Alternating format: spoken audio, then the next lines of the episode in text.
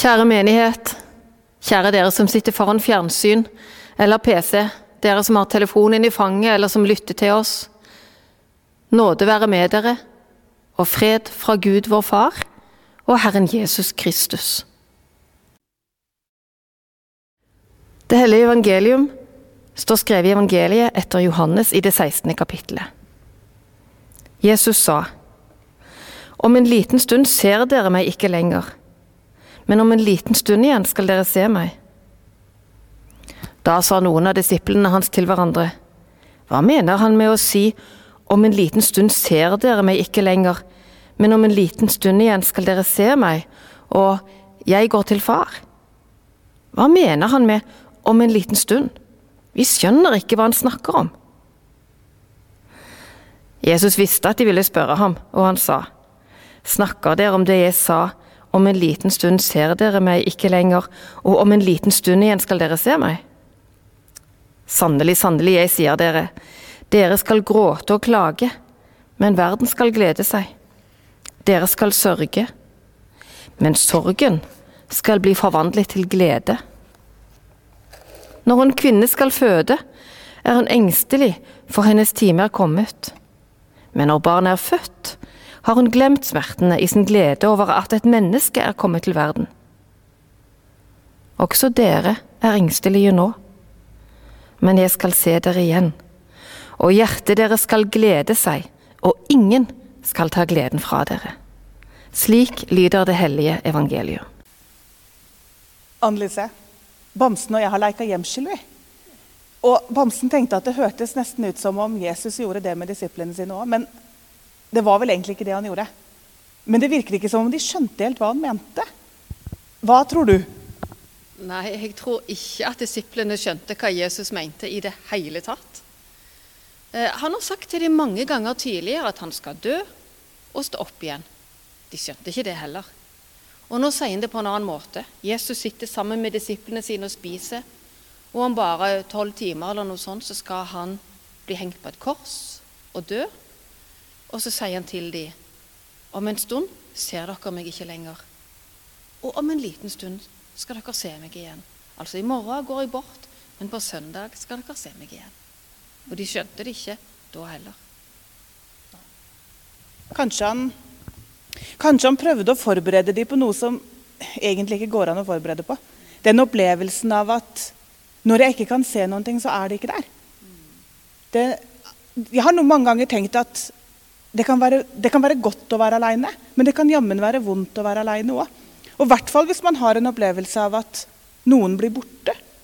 Eller man er aleine uten å ville det. Jeg har òg blitt redd for det. At jeg plutselig har vært igjen aleine, og noen har gått.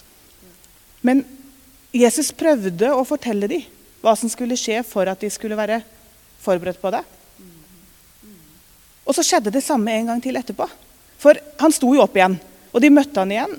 Men så etter 40 dager så for Jesus opp til himmelen. Opp til Gud. Og jeg, jeg lurer på hva disiplene tenkte da. Det er jo tydelig i Bibelen at de ble redde igjen. Det gikk ti dager fra Jesus for opp til himmelen, til det står om at de satt i et rom. Alle var samla. Alle var voksne mannfolk. Sikkert noen damer òg, men alle var voksne. Og så hadde de låst døra. At Det forteller jo at de var redde før Den hellige ånd kom til dem. Altså, det må ha vært vondt for dem. Ja. Men det var der det skjedde en forandring. For den morgenen sendte Gud Den hellige ånd. Og fra å være redde og engstelige og holde døra igjen, så gikk de ut på åpen gate i Jerusalem og fortalte hva som hadde skjedd.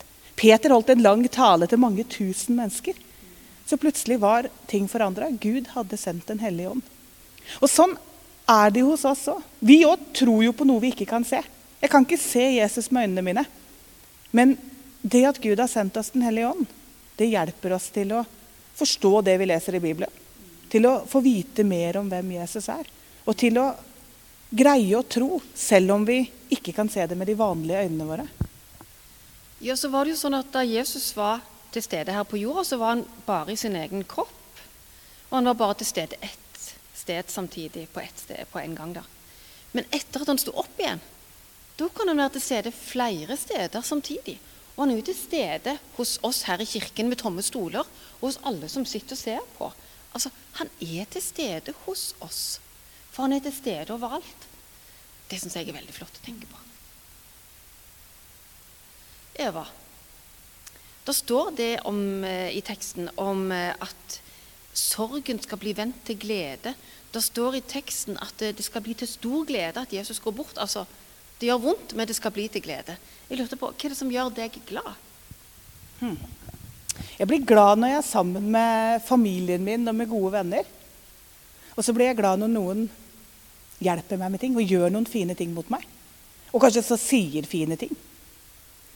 Og så blir jeg Jeg blir glad når det er sol og jeg kan gå en tur.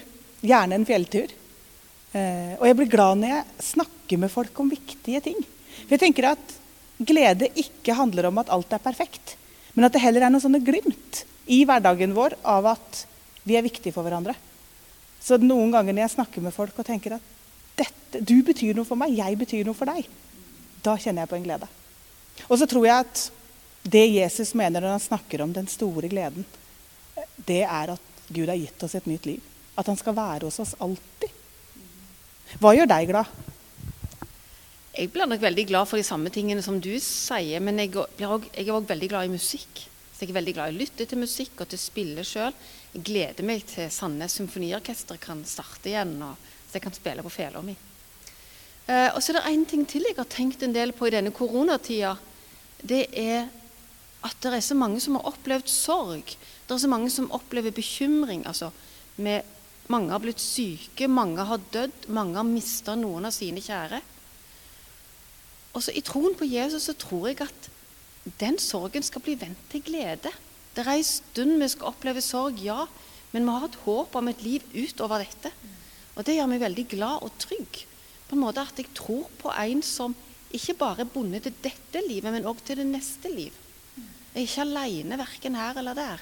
Enten jeg lever eller dør, så hører jeg Herren til. Det gjør meg veldig glad. Og Nå skal vi snart si ordene i trosbekjennelsen sammen. Ordene om at vi tror på Gud, at vi tror på Jesus, på oppstandelsen, på Den hellige ånd, på kroppens oppstandelse og på at vi får være Guds kirke på jord. Det er en fin måte å avslutte en preken på, tenker jeg. Herren velsigne deg og bevare deg. Herren la sitt ansikt lyse over deg og være deg nådig. Herren løfte sitt åsyn på deg og gi deg fred. Amen.